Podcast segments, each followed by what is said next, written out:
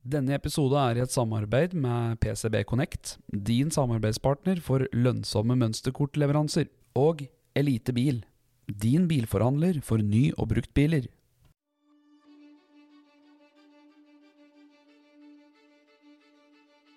Gå veien sammen med dem. Og være en omsorgsperson, være en støttespiller, være en uh, voksenperson, være en kompis, være en bror, en søster. Altså Vi skal ikke gjøre jobben for dem, vi skal gjøre jobben sammen med dem. De skal ha delaktighet i eget liv, da.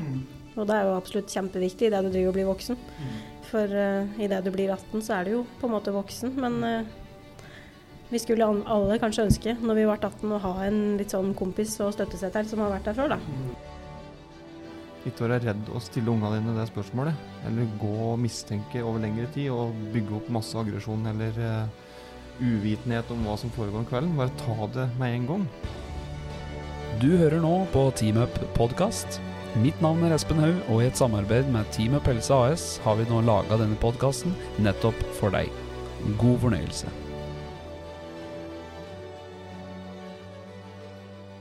Yes, velkommen. Tredje episode. Fjerde. Fjerde. Det Er det ADHD-en som slår inn, da? Ja. Går litt i Den er på topp, vet du. Det er mandag i dag. Velkommen, velkommen. Det ble litt sånn småstress på morgenen i dag òg. Vi måtte bytte studio plutselig. Mm. Det var jo anleggsarbeid utafor der vi pleier å sitte. Mm. Eh, bare sånn eh, følge opp en liksom Få tilbakemeldinger sånn på det. Så jeg bare liksom lyst til å altså bare følge litt opp eh, det vi prata om den gangen. At det sitter sikkert mange ute der som kanskje har den samme mentaliteten og samme tanken om livet sitt. Mm. Um, men at man også finner løsninger på ting. At uh, du er veldig flink til å gjøre det på egen hånd. Men um, i hvert fall i mitt tilfelle så klarte jeg jo tydeligvis ikke det på egen hånd. Så hadde det ikke vært for at jeg brukte støtteapparatet og de, og de instanser vi har sjøl òg, Mm. så hadde jeg ikke kommet dit jeg var i dag, jeg heller. Mm. Eh, for jeg hadde den mentaliteten at jeg skulle ikke prate med noen. Jeg skulle ikke ta kontakt med noen, eller ting, for du er for sjølgod til. Mm. Du, regner med at du får tall på egen hånd, men eh, sånn er ikke tilfellet. Så jeg fikk en del tilbakemeldinger på det. At kanskje folk hadde samme mentalitet. De lurte litt på hva de skulle gjøre for noe. Da Mm. var det jo gitt at eh, du har brukt litt innsats for å prate litt med folk. Ja. Jeg føler det kom godt fram, at du har liksom litt de utfordringene du har. I forhold til den røde tråden vi prata på. og sånn. Mm. Vi snakka litt på det etterkant. og vi, vi prøver jo ikke å legge noen føringer i forkant på hva vi skal si, for det blir litt sånn kunstig. Mm. Så jeg tenker at uh, forrige episode ble bra ja, på bakgrunn av at vi er oss sjøl og, og forteller ut fra vår egen virkelighet. og Du kan ha mye som skjer i livet ditt, og mye liksom tyngde på skuldra dine og sånn. Og skal du eh, Har du den mentaliteten, skal du reparere og fikse alt på egen hånd, så bli, kan du fort bli mer dårlig av det. Mm. Og det er ikke noe lur løsning. Nei. Nei. Så jeg ville bare starte med og bare legge litt inn på det. Og viktigheten som jeg så da i voksen alder, eller st når jeg ble eldre, da. Mm. Hvor viktigheten var å prate med noen den gangen jeg var liten. Mm. Og begynte med det. Mm. Og fortsette med det. Så jeg har veldig lav terskel nå i dag for å prate med liksom noen Mm. Hvis jeg har det tøft og vanskelig sjøl òg. Og det trenger jo ikke å være profesjonelle folk du prater med heller. Trenger, altså, vi prater jo med hverandre, og det- er bare å ha noen mennesker i Mm. livet sitt som du prater med, egentlig. Så lærer jeg jo det sjøl òg. Ikke sant? At um, det er lettere for meg nå i dag å prate med noen, for jeg og det kan virke ut for alle som kjenner meg, at det er, jeg sterkt syk og liksom kjører på eldre og negativt og sånn, men Mm. jeg har det inni meg òg. Så noen ganger så er det, setter jeg meg ned og prater med noen, jeg òg. Jeg håper at det er mange ute der, så er det sikkert ikke så mange, men noen som kan relatere seg til samme problematikken som jeg hadde.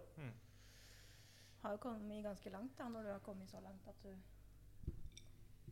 prater på disse tingene her og Mm. ser dette her. da. Ja, det var, jeg, var vill, veldig, veldig viktig for meg. Mm. Og, og jeg anerkjenner den viktigheten med å være åpen og ærlig med noen. Mm. Og jeg sier ikke at det er- må være en psykolog eller må være mor eller far, eller, men finn én person som Som du stoler på, Ja, som du stoler på, som er Mm. greit å prate med. Mm. Jeg har hatt flere personer som jeg har satt meg ned og pratet med, jeg som ikke har noe bakgrunn for å høre, verken høre på eller fikse de problemene jeg hadde. Men det er bare godt å prate med noen. Jeg syns det var fint å ta del i den runden du hadde forrige gang. Da, for jeg vet at eller Vi har jo alltid prata mye om ting, men, Mm. men du har jo ikke prata så mye sånn til andre, eller med andre til stede. Eller, så jeg syns det var fint å liksom få gjort det en runde forrige gang. Da. Mm. Veldig fint å få høre. Mm. Mm. Jeg har jo merka deg sjøl òg. Det er jo litt sånn eh, terapi i å sitte og høre på at du prater sjøl. Mm. For det er jo ikke alt du tenker over hvorfor ting er som de er. Men når du hører på episoden om deg sjøl, så er det litt sånn eh, Mm. Møter deg sjøl i døra, da. Så var det så jævlig rart òg, for at du stamma jo ikke én gang forrige gang. Og så når du snakker i hverdagen ellers, så stotter stå- og stammer du innimellom. alt si. Men når du skal liksom si noe om noe i, inni deg eller i følelseslivet og sånn, så finner du en sånn annen ro. Ja, det er roen som Mm. gjør det. Ikke sant? At du sitter med folk du føler deg komfortabel med, og Mm. du må prøve å låse unna det der med at det er masse folk som hører på. Men det bekrefter jo egentlig dette viktigheten med å prate. For det sier, det, det sier jo litt når du, når du sitter og prater om ting som er viktige for deg, og ting du kjenner på, og følelser og sånn, så stammer du ikke i det hele tatt. Nei. Og det bekrefter jo egentlig den teorien om at det er, lønner seg å prate om ting. da. Mm. Mm. Ja. Det er jo roligere her enn du var på personalmøte før podkasten. Mm. Det er fascinerende. Mm. Mm. Jeg må gjøre det. Det er sånne teknikker jeg Mm. som gjør. Så ofte hvis det er ord som jeg vet jeg kommer til å stampe på, så bytter jeg dem ut. Mm. Så noen teknikker du lærer deg. Veldig bra. Ellers Men- har vi hatt uh, høstferie, da, hele gjengen. Eh, noen dager i hvert fall. Er det bra med folk? Har folk hatt eh, en bra høstferie? Det har vært noen hyttegreier og noe skogsbesøk og noe greier? her, selvsagt. Ja. Til og med sett snø. Har du det? Det kommer snart. Ja. Mm. Du var en av de nordmennene du, som liksom dro til fjells også på sommerhjul. Og, Det er korrekt. Ja. Reisinghjul. Det Mm. kjempelurt. Ja. Det var jo ikke akkurat hyttebilen vi tok, da, altså. Nei. Nei. Men det gikk bra, det. Som skyter inn i andre greier. Åssen har det vært med deg, Espen? Høstferie? Hvordan er det, hva- har du gleder deg til å komme tilbake igjen? Ja, altså jeg har jo høstferie. Jeg har ikke hatt så mye høstferie egentlig, men eh, jeg har planlagt litt og gjort litt sånn eh, planleggingsarbeid. Ja. Det har jeg gjort. Ellers har det gått i ett for min del. altså. Ja. Jeg har eh, ikke gjort så veldig mye ennå. Har du savnet oss? Jeg har savner deg veldig. Har jo uh, fått mye innspill fra forrige episode. da. Mm. Mye positive tilbakemeldinger òg. Mm. Så uh, dette er bra, dette. altså. Så bra. Nå er det jo sånn, nå er vi ferdig med introduksjon, både av tid og helse og litt av sånn satt og sånn. Mm. Nå er vel planen at vi skal gå i gang med litt temaer. Mm. Ta opp diverse temaer. Kanskje blir lettere for folk å stille spørsmål. Og Det som er litt interessant, tenker jeg, er at vi har fått med oss vår mor. Mora til Mhm. meg og Mats skal komme inn eh, neste mandag og snakke om pårørendeperspektivet. Og det, var sånn, det satt litt sånn langt inne å spørre mamma om det, for hun er litt sårbar i forhold til ting som har skjedd før.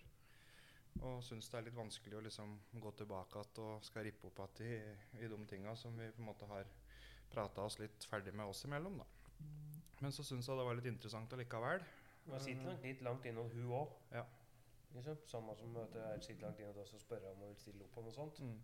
Men samtidig da, så har vel alle kommet litt Mm. lenger. At det, Men det er litt interessant å tenker jeg for folk å høre, for når folk har hørt vår historie, så er jo det vår side av saken. Mm. Men jeg tenker at Og i tillegg så har vi fått til litt spørsmål inn, og det handler om uh, pårørendeperspektivet. Uh, da passer det fint at da mamma kan komme og si litt om det, og så kan vi ta opp de spørsmåla neste gang, tenker jeg, og baka det litt inn i, i den runden vi har med mamma neste gang. Mm. Og på bakgrunn av det så tenkte vi litt på åssen tema vi skulle ta i dag. Eh, fant vel ut at vi kanskje skulle bygge litt opp uh, til en sånn pårørenderunde neste mandag med å ta litt fra brukerperspektivet denne runden her. Mm. Med brukerperspektiv så mener vi jo ja, ungdommene våre primært. da. De er jo brukere eh, av tiltaket eh, hos oss. Eh, hvordan eh, ungdommene forholder seg til familien, hvordan vi har forholdt oss til familien når vi har vært ute og brukt og rusa oss. Mm. Hvordan vi blir bindeleddet eh, mellom ungdommene og familien ofte. Det er jo en del av vår, våre arbeidsoppgaver, det òg, å, være det. Mm. Så tenkte vi kunne prate litt om det i dag. Ja, for dette begynner jo generelt i tidlig alder, altså med litt mer harmløse ting da, enn øh, narkotika og rus. Nå er det jo forskjellige betegnelser på hva som betegnes som rus òg. Men jeg husker at jeg sjøl da jeg var, begynte å røyke da jeg var 15-16 år gammel, Mm. så var det jo sånn da Du vil jo helst ikke at foreldrene skal vite det. Mm. Men du gjør det likevel. De skjønner det jo. Mm. Men du får jo ikke tatt det på det. Vi begynner, vi begynner ganske tidlig å legge sånne taktikker på hvordan vi skal gjøre ting vi ikke har lov til. Mm. Uh, og for noen så blir det jo med det, mens andre utvikler jo den eh, eh, egenskapen uh, i andre ting etter hvert. Mm. Som rus og ja, steroider og alkohol og mange forskjellige ting. Da. Mye, mye er mer synlig enn andre ting òg. Mm. Uh, sjøl om du tror det er sjøl at du klarer å skjule det, så er det ikke sikkert du får til det. Mm. Det er jo ofte folk rundt som skjønner hva du driver med. Så er det jo litt av det du leser i avisen nå, at eh, ting begynner jo tidligere enn det du gjorde før. Mm. Begynner med farligere ting tidligere. Mm. Så det er jo greit å vite litt hva ungdommer tenker, og åssen de forholder seg til det, og Mm. hva dekk Mm. gjorde når dekk var Mm. yngre. Og Jeg husker i hvert fall at jeg var mye sint på, på folk som eh, brydde seg, og, og primært familien og sånn. da, For Mm. du går rundt med en sånn tanke om at du har kontroll på ting hele tida. Og all den der omsorgen du får, og, og når folk skal liksom bry seg og komme med råd og, og fortelle deg åssen du skal gjøre ting, og hva du ikke burde gjøre og sånt. Så, Mm. så når du er i ung alder, så blir du ofte um, irritert på det. Og så står du jo ofte i en sånn løsrivelsesprosess òg, når du eh, blir eldre. Mm. Det at du skal bli sjølstendig og, og ta egne valg og gjøre ting på egen hånd. Og så er det litt med mm, eh, måten ungdom avreagerer og reagerer på. Mm. At eh, de blir fort sinte når de vet de har tapt. da. Husker jo fra min beste alder da, å ljuge om ting som Slik som Mats sier, da. Og 'Nei, jeg har ikke røyket'. Men så sier de at du lufter jo røyk til deg. Ja, men det er ikke meg. Jeg husker at jeg sa når jeg var på Koppersenteret og sånn, da jeg Ja, var yngre, så sto jeg der og røykte. Så når mamma kom og hentet meg, så var det sånn ja, Røyker du? Så nei. Ja, men lukter røyk. Ja, men stått med noen som røyker. Ja, alltid den unnskyldninga. Stått med noen eller vært at noen som røyker Ja, inne, eller Og så måten du reagerer på. Altså når de sier 'jo, men du har det', da blir du sint. Mm. For du vet at du har tapt. Men den måten du reagerer på, er å uttrykke sinne, for da går det over i noe annet, tenkte jeg. da Mm. For da, Hvorfor er du så sint nå? Nei, da finner jeg noe å skylde på, da. Mm. For å ro bort den båten med den tobakkslufta eller eh, alkoholproblematikken. Mm. Så mye ungdom som reagerer med sinne i forhold til å bare face problemet med en gang. Det er mange som reagerer med Nei, jeg vet ikke hva du prater om. Ja, ikke sant? Spiller dum, ja. Helt blir likegyldig. og Samme om du blir tatt på det, så tviholder de fortsatt på Ja. Nei, jeg har ikke gjort det. Mm. Ja. Så det er litt forskjellige måter å reagere på. tror jeg. Mm. Men jeg kan jo si mye om det. Det er akkurat det. Mm. Re reaksjon kan jo fortelle mye. Så er det litt hva vi legger opp til som foreldre òg. legger vi opp til at det skal være en ærlig dialog rundt ting, eller legger vi opp til at vi, at vi vil snu oss andre veien og, Mm. og late som at ting ikke skjer, liksom? For vi, vi, vi blir jo sånn vi blir oppdratt, holdt jeg på å si. Eller vi, det er jo miljøbetinga, alt det der. mm. Vanskelig og tror jeg å så liksom ha noe fasit på det, hvordan du skal ta dette med unga dine. At skal du, som Lars sier, ha en åpen og ærlig dialog om det, eller skal du eller skal de gå rundt og føle at de blir straffa hvis de forteller det? Mm. At de blir irritert og tar ifra dem en gode, eller Mm. Så det er jo jævlig vanskelig å si, da. Åssen forhold du skal ha til ungene dine på mm, akkurat dette området der. Mm. Så jeg vet ikke hva som er eh, riktig, men jeg ville nok heller eh, Jeg ville nok personlig hatt en åpen og ærlig dialog med, med unga. Så kan det høres litt sånn bagatellmessig ut, det vi starter å prate om nå, med røyking og litt sånn utforskning og sånn. Men, men det er jo på en måte der det starter, og der det, blir, det er det det blir videreutvikla ifra. da. Eh, For meg så begynte det med røyk, og Mm. så går det over til alkohol mm, før du har lov. mm, Og så det ene utvikler seg til det andre. Altså der ser du bare utviklingen allerede da. ikke sant? Mm. Du begynner å røyke når du er 15-16 år gammel. Da. mm. du begynner å drikke alkohol når du er 17, liksom, året etter. liksom. Og så- hvorfor, hvorfor begynner vi med de tinga? Det Mm. er jo miljøbetinga ofte. Mm. Gruppepress kan det være. Mm. Jeg er jo ikke den verste på noe. Jeg har aldri røyka, aldri snusa og sånne ting. Men jeg hadde jo, første gangen jeg drakk alkohol, så var jeg 14 eller 15, og da hadde jeg fest hjemme. Mm. Første gangen. Mm. Mamma var på besøk hos ny kjæreste på Vestlandet, så hun var jo ganske langt unna. Og det var jo første gangen jeg drakk. Og da hadde jeg fest hjemme. Det var gruppepress Mm. som gjorde det. Men eh, Jeg har jo ikke vært av de verste, men det var liksom det første. Så det kan jo bare skje. Mm. Det trenger ikke være noe tegn eller noe som begynner i det små Eller Du kan på en måte bare Vi var ikke bedt på den festen. Det var ikke Nei. Nei. Det var mange andre på trinnet Vi satt i lavvoen på Korta og drakk når vi var 14-15. Ja. Og det er der det, der det begynte, som Mats sier. Begynte å røyke litt, og så var det utforska alkohol. da. Mm. Og det var gruppepress. Mm.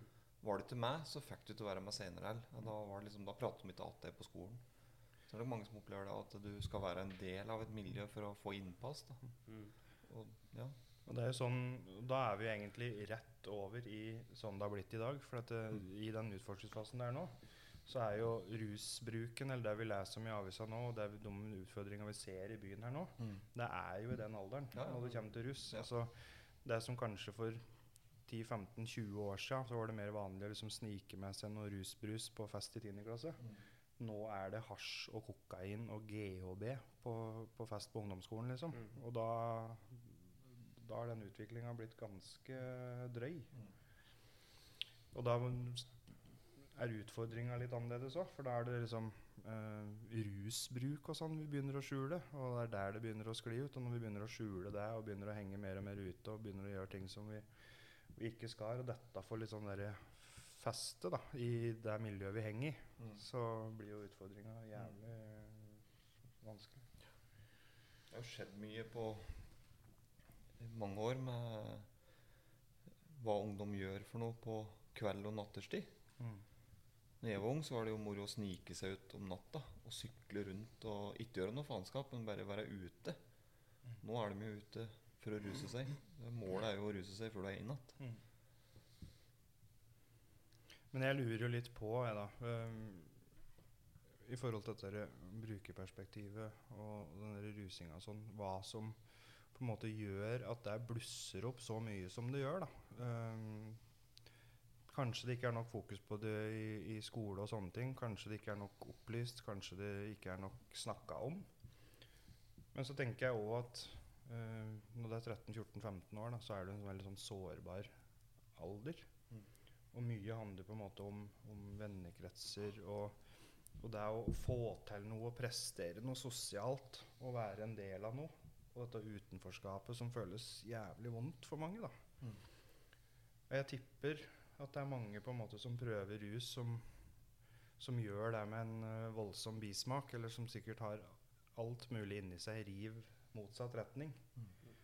Men så blir du så utafor hvis du ikke gjør det, at du på en måte går på tross av det du føler og kjenner på, og så gjør du det likevel. Jeg føler meg litt at det der sjøl når jeg var ung. Mm. Jeg var alltid sånn opptatt av at folk skulle like meg. ikke sant? Mm.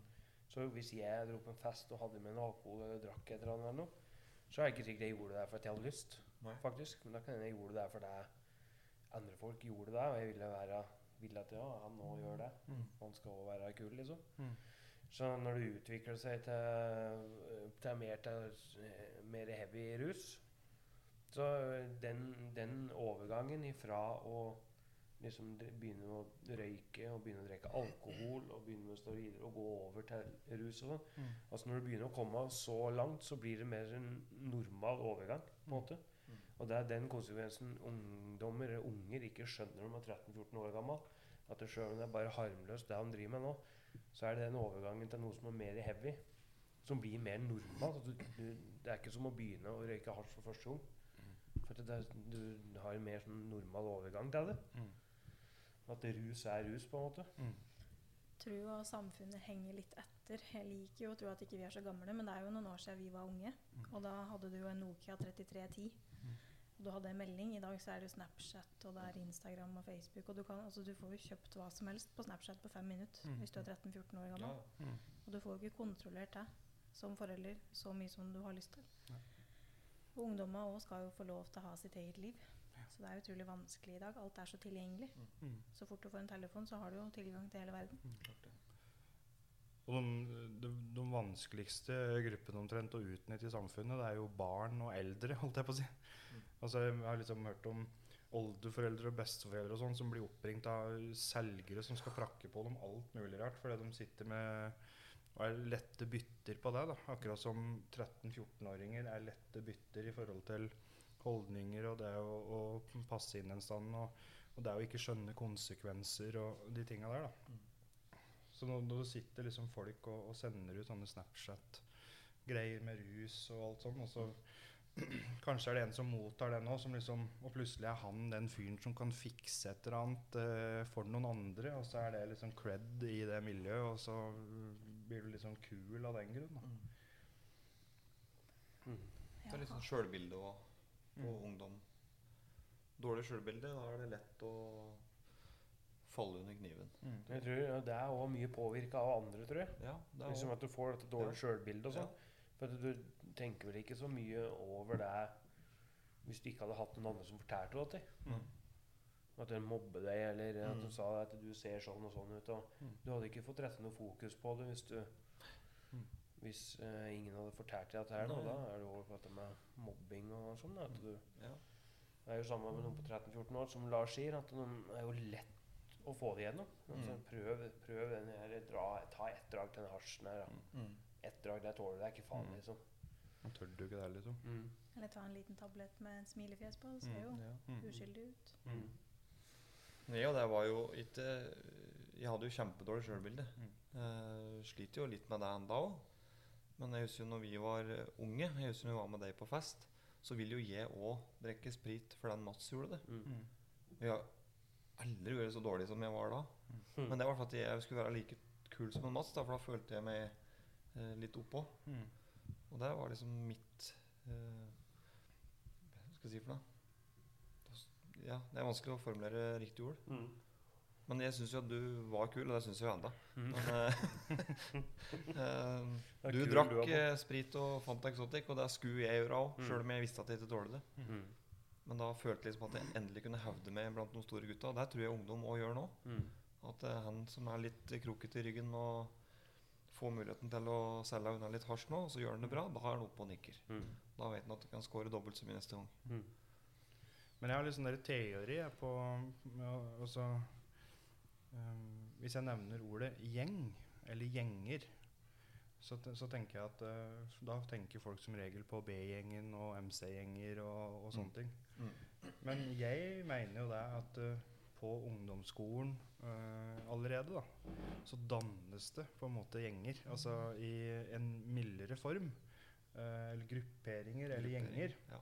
For det er som regel noen i klassa eller noen i vennegjengen som har, noe, har sterkere personligheter enn andre. Mm. Og det er alltid noen som er pådrivere, det er alltid noen som drar i gang noe. Mm. Og ofte så handler det om enten at du har eh, kanskje vanskelig hjemme, du har dårlig sjølbilde, du har dårlig sjøltillit, så du skal hevde deg på et eller annet og kompenserer.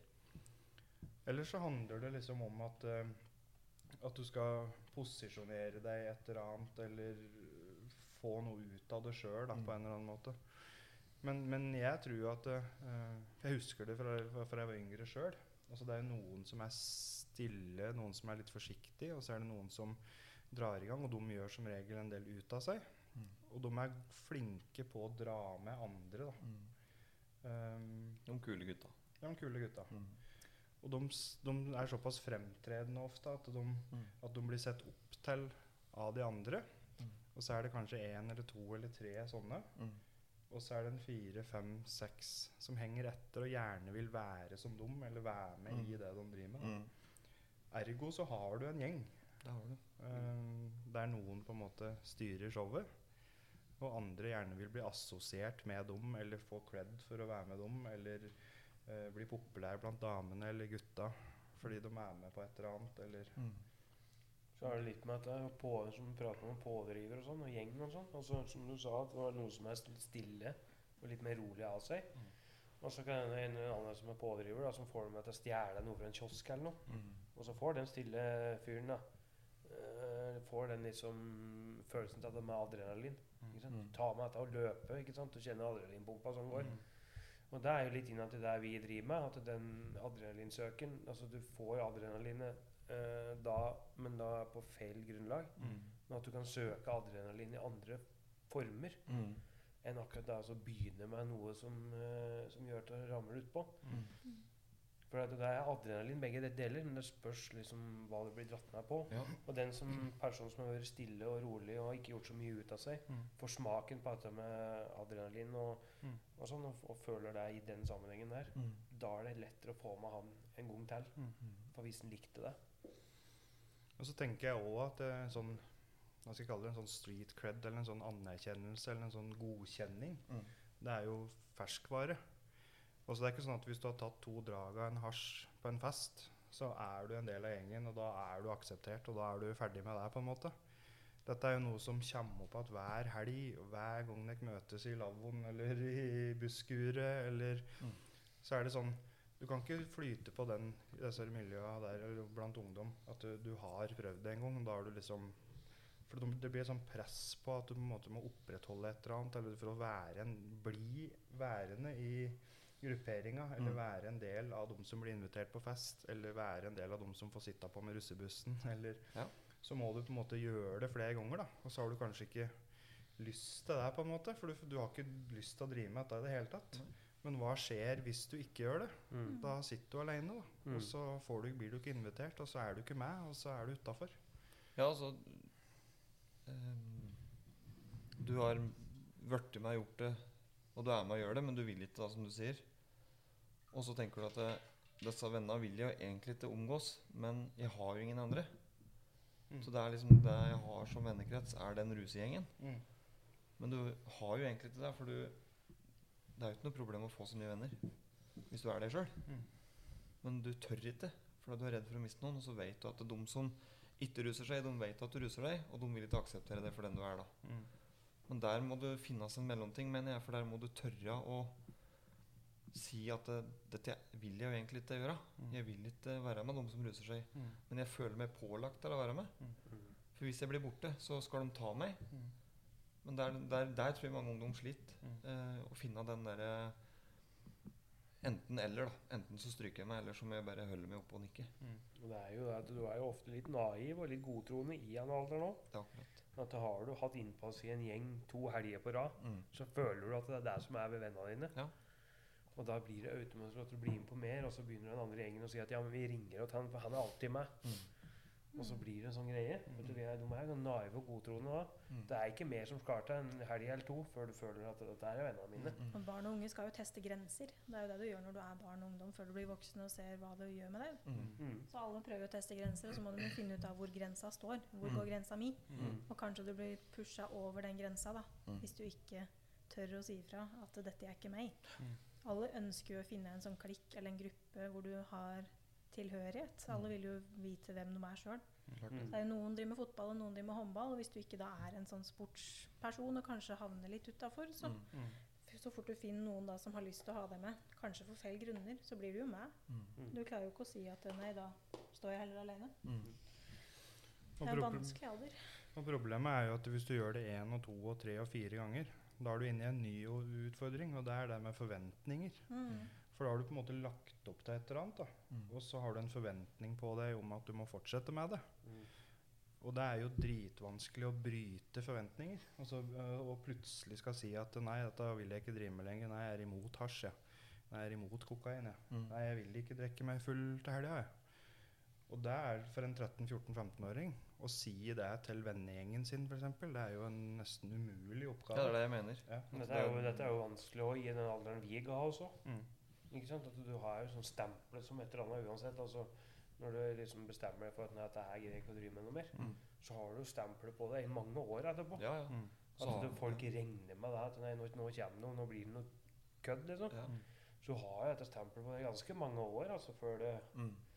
før det liksom nå de senere åra at det har vært sånn at du kan gå ut på byen en tur og så prate ålreit med vaktene like. Ikke noe slik. Oppfør deg i kveld, da. Ja, ikke noe sånt eh, hvis du slipper å høre det. Så um, det er ikke vanskelig bare for barn og unge. Men det er jo vanskelig når du Mm. blir eldre òg. Mm. Så kan du jo tenke, hvis du da endelig har funnet noen når du er ungdom, kanskje vært utafor, så har du funnet noen som har lyst til å ha deg med. Og så spør kanskje mamma og pappa sånn Ja, er det, skal du være med på noe i kveld, da? Og så vet kanskje ikke de hva du driver med. Mm. Så du har en sånn forventning av at du skal være med noen nå, fordi mamma har sett at du har vært ute på noe endelig. Mm. Så vet jeg kanskje ikke hele sannheten, og så Mm. tør du kanskje ikke å si det. da. At eh, dette er det jeg driver med, men det er de eneste som vil ha med meg, eller dette er det eneste jeg tør å si ja til, eller Kanskje si foreldre har blitt kjempeglade endelig for at du har endelig Ja. fått deg venner. Du har vært litt Mm. bekymra en stund, for du har vært litt ensom og sittet mye inne og sånn. Og så har du plutselig fått deg venner, og så uh, blir foreldra glad for deg, men så er egentlig de vennene du henger med, jævlig dårlig, og så Mhm. tør ikke du å si noe om det, og så ja. blir det For det er noe som eh, 14-åring da, å komme hjem til mamma sier at nå har jeg driti på draget, jeg har gjort dette her. Du, du gjør jo ikke det. Du tør jo ikke det. Så er det litt med dette med altså Vi kommer inn i det litt senere i senere episoder og sånn, dette med idrett og sånn òg. Hva er det 13-14-åringer Hvorfor, hang, hvorfor anker de på, sky- på stasjonen og ikke har noe i, eh, driver med noe idrett? Mm. Driver med noe eh, altså, sosialt, eller? Ja, lagidrett eller, eller et eller annet sånt. Altså, jeg har liksom spurt meg sjøl om det er mange ganger at eh, hvorfor ser du 13-14-åringer som henger ned på stasjonen og, eh, og røyker hasj? Som ikke er på en fotballtrening eller er på hockeytrening eller Mm. Andre aktiviteter. Ja. Mm. Men ofte da folk som har helt annet Mm. Men det er jo litt sånn, altså jeg har vært med på fotball og håndball. Jeg har aldri vært av de beste, men det var jo fordi det var det som var. Mm. Så jeg føler jo at det er litt lite aktiviteter for dem som ikke naturlig er gode i en sport. Ja, det skal jeg si også. Og det er litt sånn lav Litt sånn lavterskeltilbud. Mm. Det savner jeg litt. Og så er det, ja, og så er det mye press fra foreldre, oppleves òg. Mm. At mor og far, eller eh, familie generelt, sier du skal gå Ja. på ski, du. Mm. For det vet jeg at du er god til. Mm. Jeg vet at jeg er dritdårlig på ski. Jeg kan ikke gå på ski. Eller har ikke lyst til Jeg det. har ikke lyst. Jeg vil finne på noe annet. Jeg vil spille badminton, jeg, for det er det jeg trives best med. Mm. Men det er presset for deg, så hør hva unga dine vil, da. Mm. Liksom eh, gutta mine og sånn, at eh, jeg vil klatre. Mm. Det skal du få lov til. Mm. Jeg vil begynne med jiu-jitsu. Mm. Det skal du få lov til. Mm. Jeg tvinger ingen. Jeg kan ikke tvinge ungene mine til å drive med noe. Og så det det litt jo- ja. Og så tror jeg at det, sånn som samfunnet har blitt nå, med, med alle så økte kostnader og sånn Idrett er jo ikke billig å drive med. Eh, kanskje foreldra sliter med Burde vi gjort noe i forhold til ordninger rundt dette med idretten f.eks.? Uh, burde vi gjort noe med priser på ting? Eller burde vi lagt til rette sånn at det ble mer tilgjengelig for alle? For den dagen foreldra ikke klarer å betale utstyr eller kontingenter, eller noe sånt, hva gjør ungdomma da? Nei, da har de ikke noe arena å være på lenger. da. Mm. Så da blir de hengende nede i byen. Her kommer vi inn på et tema som jeg kjenner at jeg ikke klarer å prate så veldig mye om det, for jeg blir så irritert. Men sånn som f.eks. at Fjellhallen nå står i fare for å bli stengt. Mm. For det er så høye strømpriser Mm. i verdens, et av verdens rikeste land. Mm. At vi er der. Mm. At du på en måte skal ta vekk fra barn og unge Mm. som allerede har gått gjennom nok med pandemi og Mm. streiker. Nå er det en ny streik i dag. Mm. Det er jo barn og unge og ungdom som da blir ofra. Mm. Og det er jo er det, er det der landet vi vil ha? Mm. For du mister allerede så mye av noe som jeg ikke syns det er mye av fra før. Mm. Og se, og senere episoder skal vi gå litt inn på noen forskjellige typer samarbeid vi har òg. Mm. Hvor det handler om at å prestere på en arena uten å være god i sporten. Mm. Men For det er finnes- litt altså, men, ja, men for at det hele miljøet miljø som er på en arena, fotballarena, hockeyarena, Mm. langrennsarena altså, ju- Si hva du vil, liksom. Men å prestere på en arena som ikke er god i den sporten, Mm. Men at du kan være med og være en god person allikevel og ha- med på laget, Mm. så er jo det òg veldig viktig. Å få den anerkjennelsen for at du er god nok da, Mm. for den du er. Alle kan ikke være den beste, men det er jo ikke meninga at alle skal være best Nei, i alt. vi har dem Ja. eh, som er Haaland og Mm. De er gode, de. Men vi kan ikke være like gode alle sammen. Og det er helt greit. Det syns jeg òg. Men da er vi se tilbake til det vi eh, pratet om i stad, som òg handler om litt det samme. Men, men det som For de da, som ikke har lyst til å være med på dette kjøret, være med på denne festinga, være med på dette greiene der, eh, da, da er det jo snakk om hva slags eh, muligheter har de eh, Eller hvordan fanger vi det opp, og hva slags muligheter har de hvis de ikke skal være med på det? da? Mm. For sånn som i hvert fall i distriktet her, så, så, så ungdomstilbudet da, blir jo, altså ungdomsklubba blir jo stengt. Det var en periode her som vi ikke hadde noe ungdomsklubb lenger. Altså, Vi har jo et kommunalt tilbud på en måte men, men disse gode, gammeldagse ungdomsklubba og sånn, det ble lagt ned i Hunndalen, det ble lagt ned på Kopperud. det var altså Ungdommens hus. Ungdommens hus og så alle disse tinga ble jo lagt ned. Og det var jo flere år her som vi ikke hadde et tilbud Mm. for ungdomma utenom. da. Nå er det visstnok Eller nå leste jeg i avisen at eh, de skal starte opp igjen med klubben på Kopperud og sånn, så det er jo et kjempebra tiltak.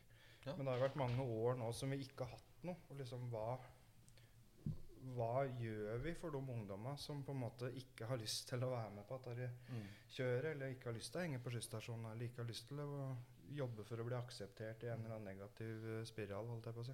Du skulle vært i bare ikke bare en klubb, men du skulle vært noe aktiviseringstilbud som kommunen sto for. Mm. Når det gjaldt sport òg, forskjellige typer idretter. Tenk hatt en hall liksom, hvor, eh, som er gratis tilbud for ungdommer. Kan komme og spille basketball, fotball, tennis, hva som helst. da.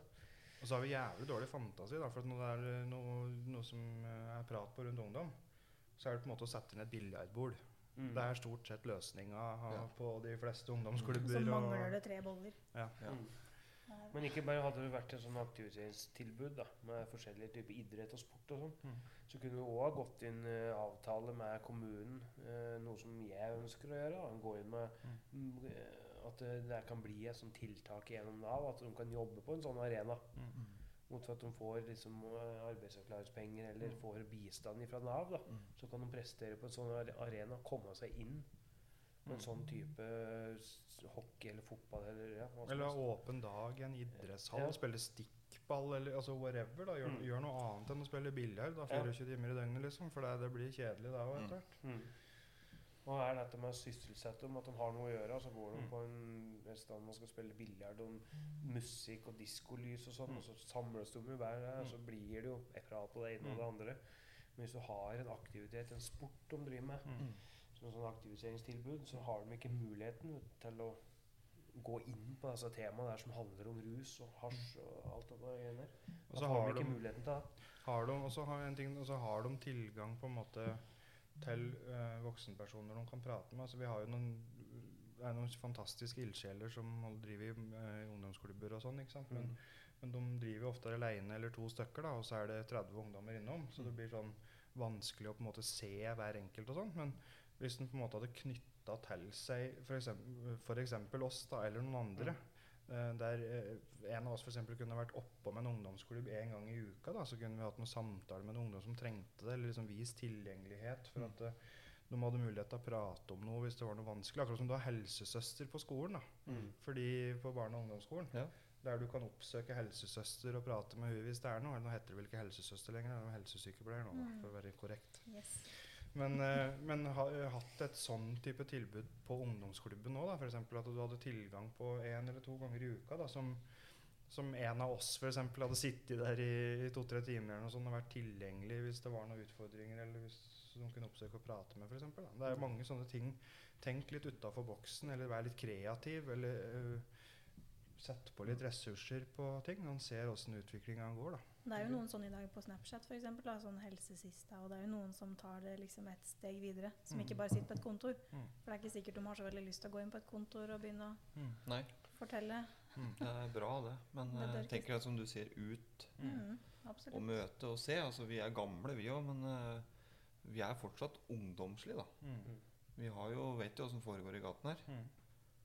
Mm. Og dette med å aktivisere ungdom òg, som ikke bare er hos oss. Du ser jo behovet er jo der. Bua har jo f.eks. mye, Mm. men det er det å bruke det. Mm. Jeg hadde gjerne brukt et par timer, par ettermiddager i uka hvis det var et sånt aktiviseringstilbud. Og ikke Mm. være med ungdommen og drive med noe sportsgreier. Ja, sånn. Ta med 30 stykker i Ja. da. Noen kommunen kan være med og Mm. bytte inn på. Mm. Og Jeg har med glede, ja. glede gjort det. Brukt Ja. jobben min til det. Det er jo noen tilbud òg, for eksempel i Gjøvik da, som heter Ung Gjøvik, som har litt sånne turer. Jeg har sett det, men jeg syns det er litt lite tilgjengelig Ja. å finne ut hva som skjer når. Mm. At det skulle vært enda mer Og så har du allidretten for unger. Ja. Fra åtte til gud vet hvor gamle de skal være. mm. Og så er jo Ung Gjøvik eh, et tilbud egentlig for dem som er til og med ungdomsskolen. Ja. Eh, og det er til og med ergo 15 år eller noe sånt. Ja, da det begynner. Og vi har jo hatt en par møter med Ung Gjøvik, og de gjør en fantastisk jobb. Altså, jeg har sett masse snapper av turer og aktiviteter og ting de gjør, Mm. og de har jo et kjempebra tilbud. Men så, uh, som de har sagt sjøl òg, og hvorfor de var litt glad for å prate med oss òg, var fordi at vi på en måte ta, eh, vi tar over uh, der de slutter, holdt jeg på å si. Ja.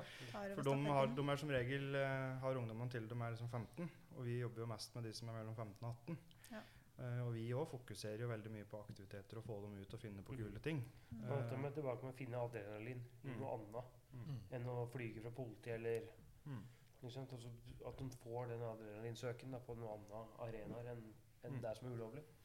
Og så har jo vi stort sett, stort sett bare muligheten til å, å finne på noe med de som faktisk er i tiltak hos oss. Altså Mm. Ung Gjøvik er jo et tiltak i kommunen der alle kan komme. Mm.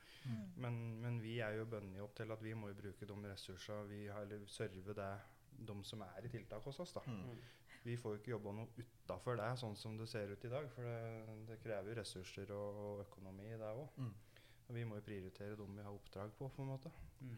Men der òg hadde det vært mulig å liksom fått til noe i samarbeid med kommunen. For vi hadde jo gladelig på en måte Ja, ja. rigga noe greier hvis det var Mm. mulighet. For eksempel, da. Eller noen andre. Men, Mm. men bruke kreativiteten, da. Mm. Og få til noe. Vi har jo noe har, ja, skal ikke si for mye om det, men vi har jo noe samarbeid nå som vi er i planen. Mm. At vi skal prøve å få til noe for vanskeligstilt ungdom innenfor dette med idrett. Da. Mm. Det kommer jo mer på, inn på senere, på Mm. senere episoder. Men uh, vi Mm. håper at vi skal få til noe ordentlig stort arrangement i hvert fall. Mm. Og det blir moro. Mm. Så er det den aldersgruppen fra 15 til 18. Der, så hvis du ikke har funnet din vei når du er 15, da er det veldig fort gjort å Skli utpå, ja. Ja. Mm. Hvis du først har sklidd utpå, da som, eh, som eh, Vi snakker jo litt bredt om brukerperspektivet nå, føler jeg. Men eh, hvis du som ungdom da først sklir utpå og detter litt utafor, begynner med litt rus kanskje, eller et eller annet Da blir ting uh, vanskelig, og du føler deg ofte litt aleine. Mm. Uh, da har du på en måte gjengen din, men eh, det blir vanskelig å forholde seg til familien og, og pårørende og masse ting. Jeg husker jo Fy faen hvor mye sint jeg har vært på mamma opp igjennom, Mm. som har og prøvd å bry seg når jeg holdt på med ting. For I starten så tenker du at de, de bare ødelegger for deg, eller de forstyrrer uh, greia di, eller uh, ikke bland deg, for jeg har kontroll, eller så, sånne ting. da. Det skal bli spennende å høre fra hun òg, for tida, Mm. og føler det er under denne tida der hvor vi det var rusa og gikk på steroider og sånn. Så det er ikke noe tvil om i hvert fall ser at vi bruker noe steroider, da, men, men akkurat dette med rusen eh, og sånn eh, Jeg innbiller meg sjøl at, eh, at vi gjorde dette uten at hun visste så mye om det. Fordi jeg innbiller meg at mamma så på oss som to sterke personligheter som vi hadde vi klarer oss ut i verden på. en måte. Mm. Så det skal bli spennende å høre hva hun mener om, om den perioden der. Samtidig så visste han nok mye mer enn det vi Ja. tror, og så har jeg jo vært involvert i mye, men det er mye jeg har fortrengt òg. Mm. For hun prøvde jo iherdig å hjelpe til å få oss, til ungdom, få oss til ungdomskontakten f.eks. Få oss inn i BUP, få oss med på møter med skolen. Men vi var ikke akkurat så jævlig velvillige, da. Mm. Og det er jo en ting som jeg har hatt mye dårlig samvittighet for seinere i, i livet. Mm. Men det er jo fryktelig vanskelig, da, for det pårørende blir jo så følelsesmessig involvert. Altså Du vil jo fikse et problem, eller du vil jo ordne opp i ting. Og det er jo ungen din, og du føler du mister At du, du presterer dårlig som forelder. Og så sitter du som ungdom da, og liksom, syns det er jævlig irriterende å skal få høre ting du gjør feil hele tida, ting du burde gjort annerledes. Eh, jeg var egentlig mest forbanna på mamma for at hun liksom skulle blande seg opp i Jeg husker jeg sa det mye til mamma. for Når Gi deg den psykologipraten din mm. For jeg var så nede, jo. Men eh, jeg var så lei Jeg sa jeg mange ganger. Altså. Jeg var så lei det. Men grunnen til at jeg ofte ble sint, da, det var jo for at jeg traff nerver. Ja, ja. Og Altså, hun, hun, når hun tok ting, så, så gjorde hun ikke det uten grunn. Nei. Og hvorfor du blir forbanna da, er fordi at du vet du har rett. Mm. Ja, det er Men det skal du jo faen ikke inn sa i innrømme. Så mødrene vet alt. Men det er jo sånn du skjønner i dag. Ja. Så hva er det som hadde gjort når du var på den i alderen her, da? Hva er det som hadde gjort at dere faktisk hadde hørt på? Er det noe som hadde Kunne hun gjort noe annerledes? Nei, Jeg, jeg tror det er vanskelig liksom, når du kommer inn igjen der, da, for at du har vennegjengen din som trekk. Og du har forventninger der, og du driver og blir voksen, og du må følge opp et eller annet sosialt rykte, og du må etablere deg og bli sjølstendig og så tinga der. Og så er foreldra på en måte får en svakere og svakere posisjon i forhold til å få tilgang eller å, å bli lytta til. For du, du har ikke lyst til å være avhengig av mora di lenger, og du vil gjøre andre ting. Og da er det viktig at vi har et apparat rundt da, som jeg, som plukker opp disse tinga her. At det er, det er noe. Du kan jo liksom ikke låse ungene dine i, i kjelleren. Nei. De, uh, I helga så fikk jeg, fikk jeg melding til en gutt uh, der det sto 'Jeg trenger hjelp'. Mm. tenkte jeg alle dager. Det er tøft nok bare å sende den meldinga. Mm. Han er jo noen og 20 år gammel. Men da legger han jo fram Jeg kjenner han ikke så godt, men da legger han jo fram hele problemstillinga si. Mm. Uh, og far kontakter meg senere på dagen og spør har du pratet med min sønn. Ja, det har jeg gjort. Mm. Men med tanke på taushetsplikt så vet jeg ikke hvor mye de har. Men da legger han fram problemstillinga, og så sier han at uh, han trenger hjelp. Mm. Og jeg har sagt, Det må vi jo få til. Mm. Dette går jo ikke. Men han er ærlig nok til å stå fram sjøl og si at nå, nå klarer jeg ikke mer. Mm. Jeg må vekk fra det det miljøet jeg er i. Og da sier jo far at uh, han må bort fra vennene sine. Og sier at det kan du ikke gjøre. Du kan ikke ta den bort fra vennene sine, men vi kan ta bort den problematikken som ligger der. Mm. Den kan vi fjerne. For vennene de er gode å ha uansett. Mm. Så hvis vennene velger å ha det problemet, så bør ikke han ha det. Så det er, Der kom den åpenheten fra en på 20 år som innså nå at nå er løpet kjørt. da. Mm. Jeg tror frustrasjonen kommer inn fordi at eh, Jeg tror, jeg tror vi må starte i andre enden ja, for det, enn det mange ofte gjør. Mm. For at eh, du vil jo helst gå inn og nekte unga dine å være med han Ja, og han. Og så vil du helst nekte unga dine å reise dit. Og så vil du nekte unga dine å være ute til etter tolv. Og så vil du nekte ditt og nekte datt.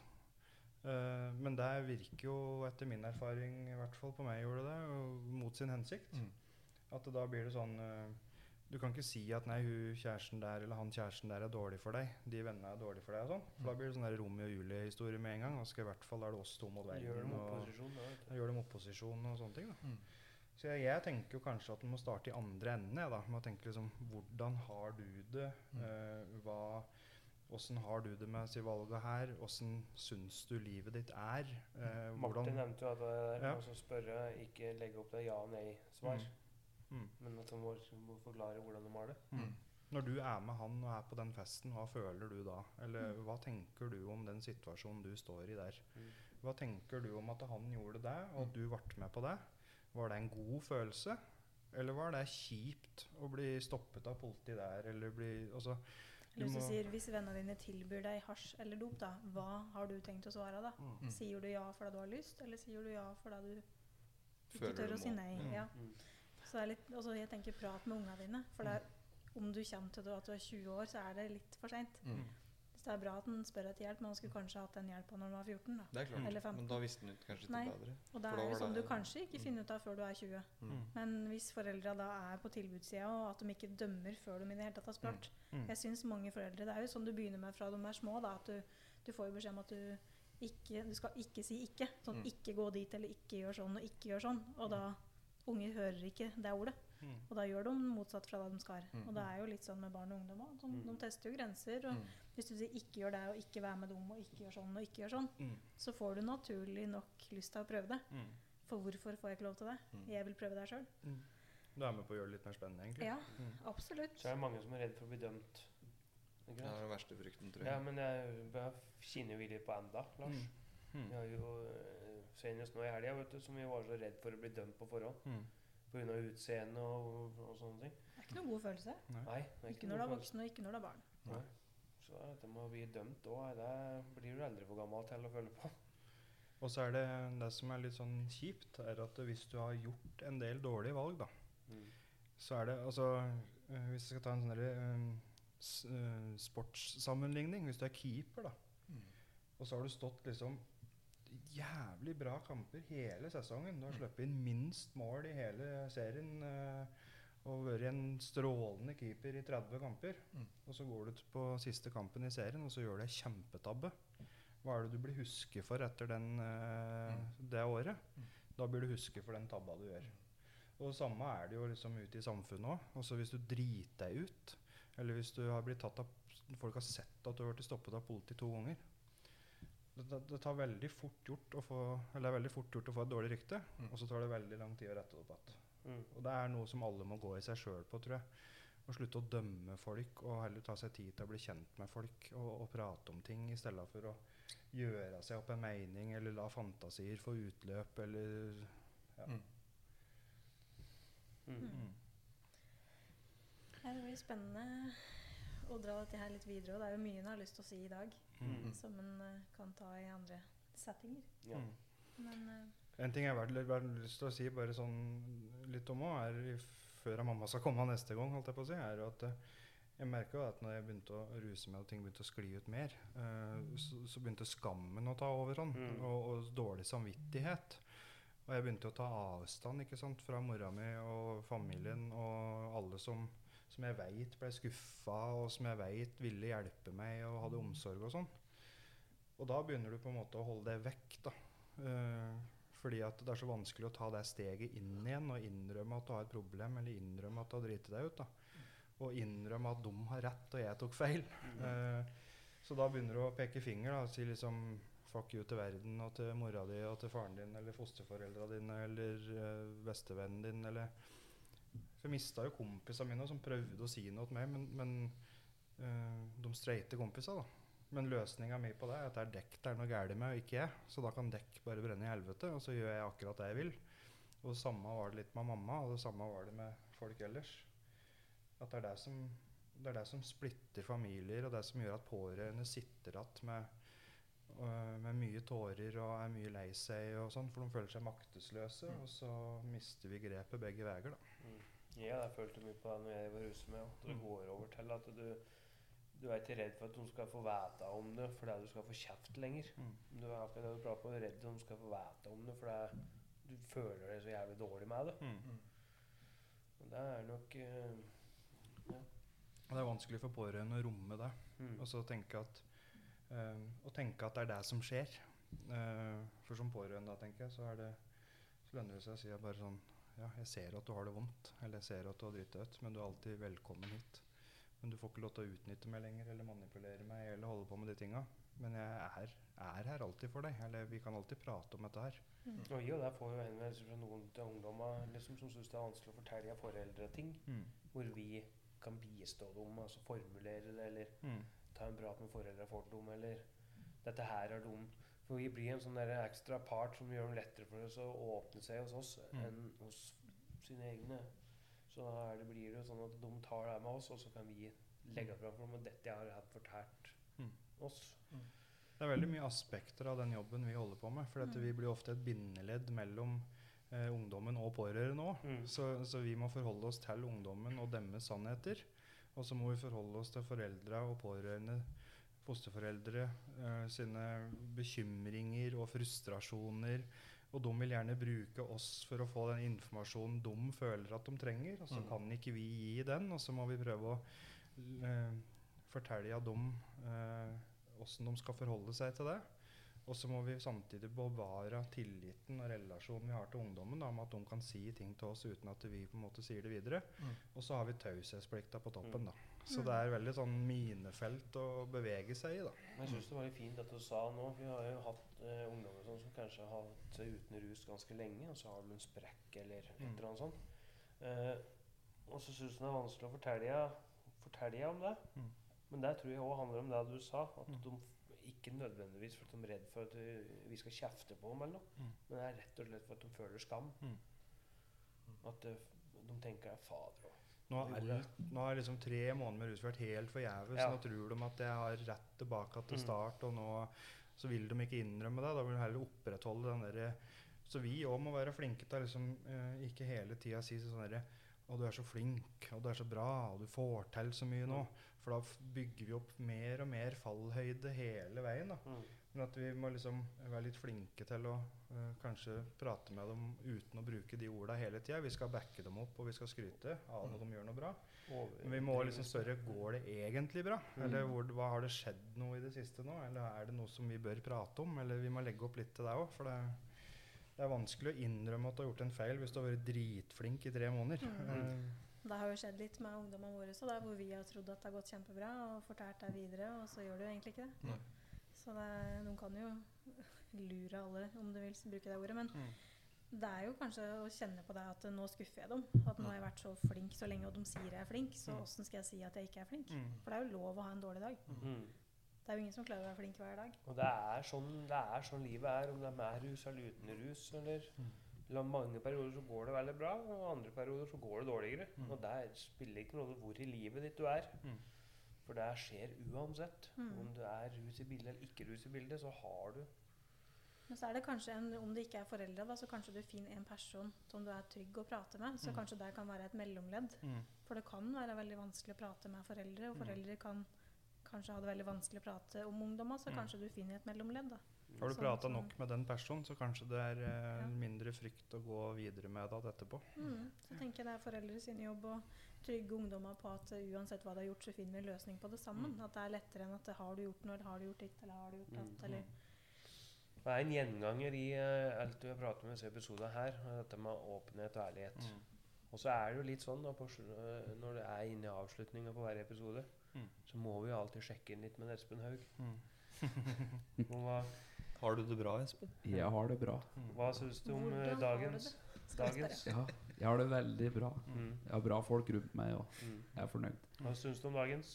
Veldig bra. Jeg syns dette er nok en gang viktig, dette her. Mm. Eh, jeg er helt enig i at eh, jeg tror hvis det hadde vært mer tilbud tilrettelagt, mm. og ikke minst tilgjengelig Mm. eh, ute der til uh, ungdommer, så tror jeg at det kan være lettere å unngå å havne i feil ja, Kall det miljø eller gjeng eller ja. Kjenner, kjenner du det igjen i noe av det som blir sagt her? Jeg vet ikke åssen øh, Ja. du var når du var ung, men uh. Ja, nei, jeg kjenner meg igjen i flere ting, jeg. Men uh, i, i det hele så tror jeg, tror jeg nok det at eh, hvis det hadde vært mer tilgjengelig med andre ting da jeg eh, var ungdom, Mm. så tror jeg òg hadde kanskje gjort litt bedre valg, ja. mm. ja det tror jeg. Yeah. Så jeg tror, tror man bare var flinke til å legge til rette. Ha ting som skjer, som ungdommer kan delta på. Mm. Uten at det behøver koste eller, eller store opplegg. Mm. Så enig i det. Jeg tenker sånn um Helt avslutningsvis i dag, da. Jeg føler at jeg pleier å si det hver gang. Er Du, er, du har vært i Ja, ja. Du har, du har blitt den personen. Ja, jeg er blitt den personen. Mm. Så må jeg si at jeg grugleder meg litt til at mamma skal komme neste gang. Er ja. Eh, jeg håper at, eh, at folk uh, setter litt tid til å lytte på hva vi snakka om i dag. Mm. Og så håper jeg at folk har lyst til å høre på oss eh, snakke litt med mamma neste gang om pårørendeperspektivet. Vi er, som, som jeg sa innledningsvis, har vi fått litt spørsmål da, Mm. angående det å være pårørende, så jeg tenkte vi skulle baka det litt inn i den eh, greia. Så er det litt sånn for alle som hører på, så mamma òg, eh, på godt og vondt, kommer til å være ærlig. liksom. Mm. Uh, vi har jo pratet med mamma såpass mye og bearbeidet såpass mye til at Mm. mamma kan være ærlig òg, uten Mm. at det, vi føler noe mye på det. Og så er det stort av å gjøre det, for Mm. at hun eh, gjør egentlig ikke sånne ting. Eller hun vil helst ikke prate så mye om dette lenger. Så jeg er litt spent på åssen hun tar det, og åssen hun får det i etterkant. Men, eh, men hun, er, eh, hun er på den nå at hun har lyst til å bidra inn og lyst til å gjøre det. Mm. Så da tenker jeg det blir spennende. Ja, det blir veldig bra. Så fortsett å sende inn spørsmål. Ja. Det har jo kommet noen, men vi setter jo pris på flere. Mm. Send på SMS, Messenger, Mm. inn på hjemmesida. Brevdue. Brevdue. Mm. Mm. Morsekode. Morsomt.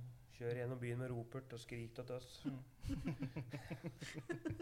Det hørtes ut som noe du kunne gjort. Ja. Nå, hø- nå, høres, nå høres det ut som vi skal runde av og gå Ja. i gang med uka vår og få den energien her ut av døra her og inn eh, hos ungdomma der det trengs. Ja. Mm. Regner med. Ja. Takk for i dag. Takk for i dag. Takk for nå. Takk Mm. for nå. Ses neste gang. Hei, hei.